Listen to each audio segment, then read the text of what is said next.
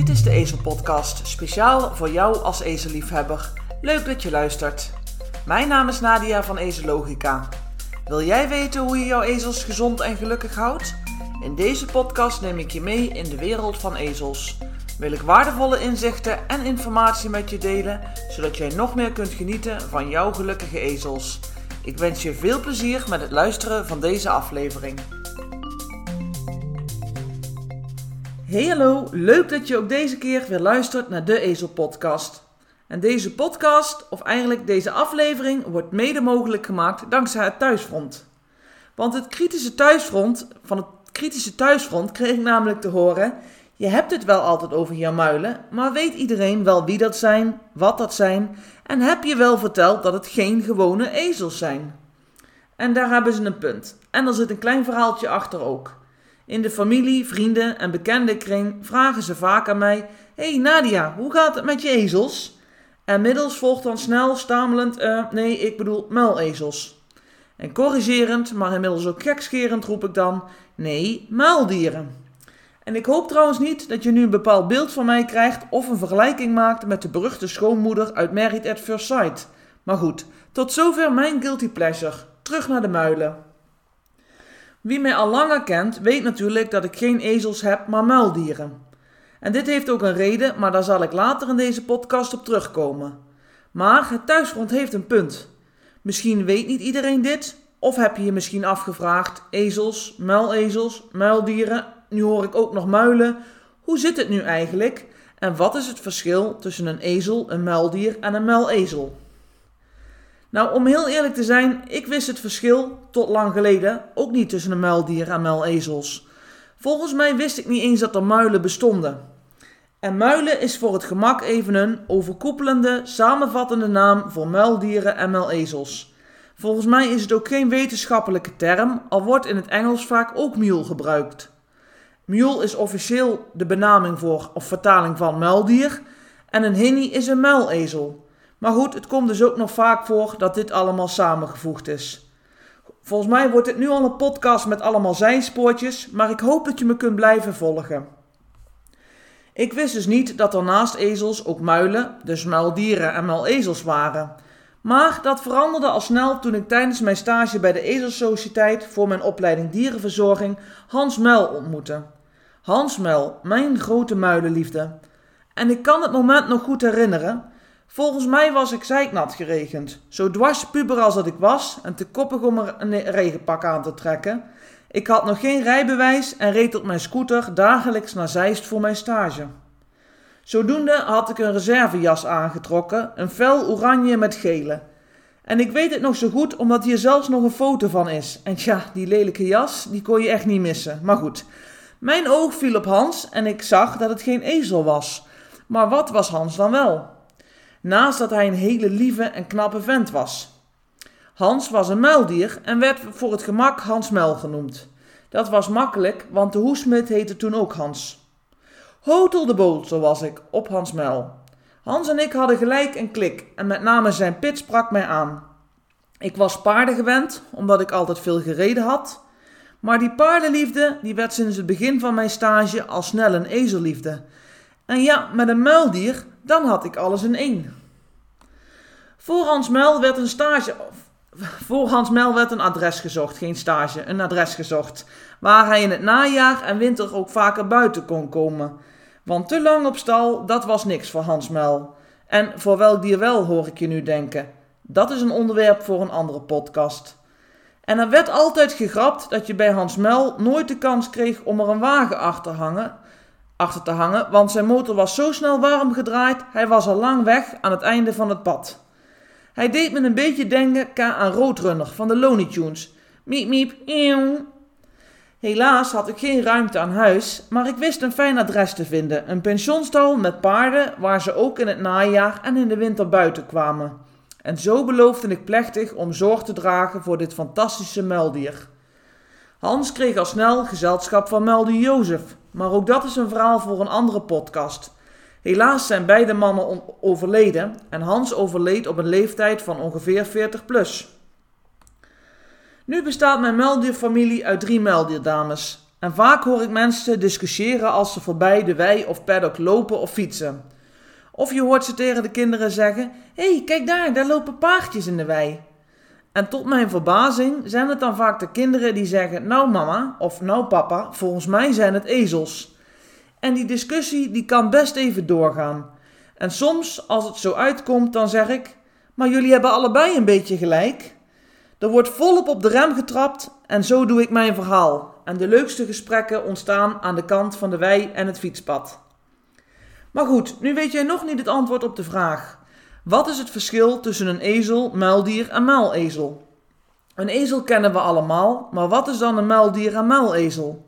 Beide dieren zijn kruisingen tussen een paard en een ezel. Het verschil zit hem in wie de vader en wie de moeder is. Bij een muildier is de moeder een pony of een paard en de vader een ezel. En bij een muilezel is het andersom. De moeder is dus een ezel en de vader een pony of een paard. Over het algemeen wordt gezegd dat een muildier meer op de moeder, een paard of pony lijkt, en een muilezel dus meer op een ezel. En het onderscheid is heel moeilijk te zien. En in de literatuur lees je hier ook nog wel eens verschillende dingen over. Tot zover ik weet heb ik zelf nog nooit een muilezel gezien. En men zegt dat er ook meer muildieren als muilezels zijn. En hiervoor zijn er twee mogelijke verklaringen, met wel de nadruk op mogelijk. Dit is dus niet onderzocht of bewezen. Muildieren zouden populairder zijn omdat ze vaak groter zijn dan muilezels. Dit omdat er meer paarden of grotere ponies zijn dan grotere ezelrassen. Een andere verklaring is dat een pony zich makkelijker laat dekken dan een ezel. Maar de waarheid hou ik voor nu in het midden. En nu komen we op het punt om uit te leggen waarom, naast dat ik hotel de botel was op Hans Mel en muildieren fantastisch zijn, dit ook een praktisch punt, een praktische keuze was. Helaas had ik thuis geen ruimte voor ezels. We weten allemaal dat het beste gezelschap voor een ezel een ezel is. Eén ezel is geen ezel. Maar van muildieren wordt over het algemeen gezegd dat muildieren meer geneigd zijn om naar de paarden toe te trekken en muilezels meer naar ezels. Een logische verklaring hiervoor is dat de moeder van een muildier een pony is en de moeder van een muilezel een ezel. En het moederdier is het dier waar als veulen de meeste tijd bij doorgebracht wordt. Een pensionstal die aan alle eisen voldeed, was dus een prima optie voor Hans Mel. En als je de hoeven van een ezel, muildier, muilezel en paard op een rij zou zetten, dan zou je ook zien dat de muilen er precies tussenin zitten. De hoef van een ezel is smaller, meer U-vormig en de stand is steiler dan bij een paard. Een muil zit hier tussenin. En zo is er ook nog lang geleden, ik weet eigenlijk niet meer precies wanneer, een onderzoek gedaan naar de vacht, de haareigenschappen van ezels, paarden en ook een paar muilen. En uit dat onderzoek bleek dat muildieren zich beter aan kunnen passen aan kou en nattigheid dan ezels, maar minder goed dan paarden. De link uh, ezellogica.nl en dan op de pagina van de blog, daar vind je deze blog over het onderzoek naar de haareigenschappen. Um, maar goed, hoe dan ook, alle muilen hebben een goede stal of schuilgelegenheid nodig. En dan nog zo'n veelgestelde vraag: welk geluid maakt een muil? Nou, een paard hinnikt, een ezel balkt en geloof het of niet, een muil zit er tussenin. En voor muildieren zeg ik altijd: het begint met een hinnik, een hie en daarna komt de balk. En nee, dit ga ik echt niet voordoen in deze podcast. Ik ga het je proberen om het te laten horen. Ik heb namelijk geen goede opname van mijn muildieren. Dit doen ze ook niet op commando. Maar ik heb wel een aantal jaren geleden een videoopname gemaakt bij La Assinerie du Baudet de Poitou in Frankrijk. En ik ga eens even kijken als ik hem zo afspeel.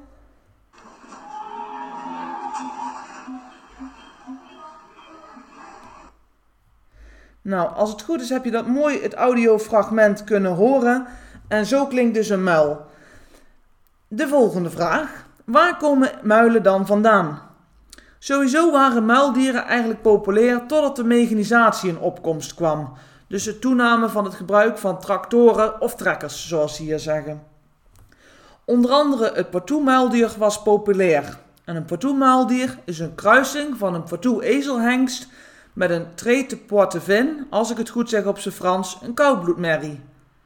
Over de Poitou-fokkerij, de Baudet du Poitou en het Poitou-muildieren komt een artikel in het Ezel Magazine 2023, de eerste editie van dit jaar. De link zal ik toevoegen in de show notes. En volgens mij noem je zo de tekst die bij de podcastaflevering staat voordat je hem gaat afluisteren. Goed, muildieren werden geëxporteerd naar onder andere Zuid-Europa en Amerika, voor bijvoorbeeld het leger en de bosbouw. En in 2012 is er nog een video van de BBC verschenen over de inzet van muildieren bij de US Forest Service. En ook hiervan zal ik de, de link in de show notes zetten. En google anders maar eens op Twente Mule Team. Dan vind je nog veel meer indrukwekkende beelden van muildieren. Kunnen muildieren of muilezels zich voorplanten? Nee, in principe niet. Op een heel sporadische uitzondering na zijn muildieren onvruchtbaar.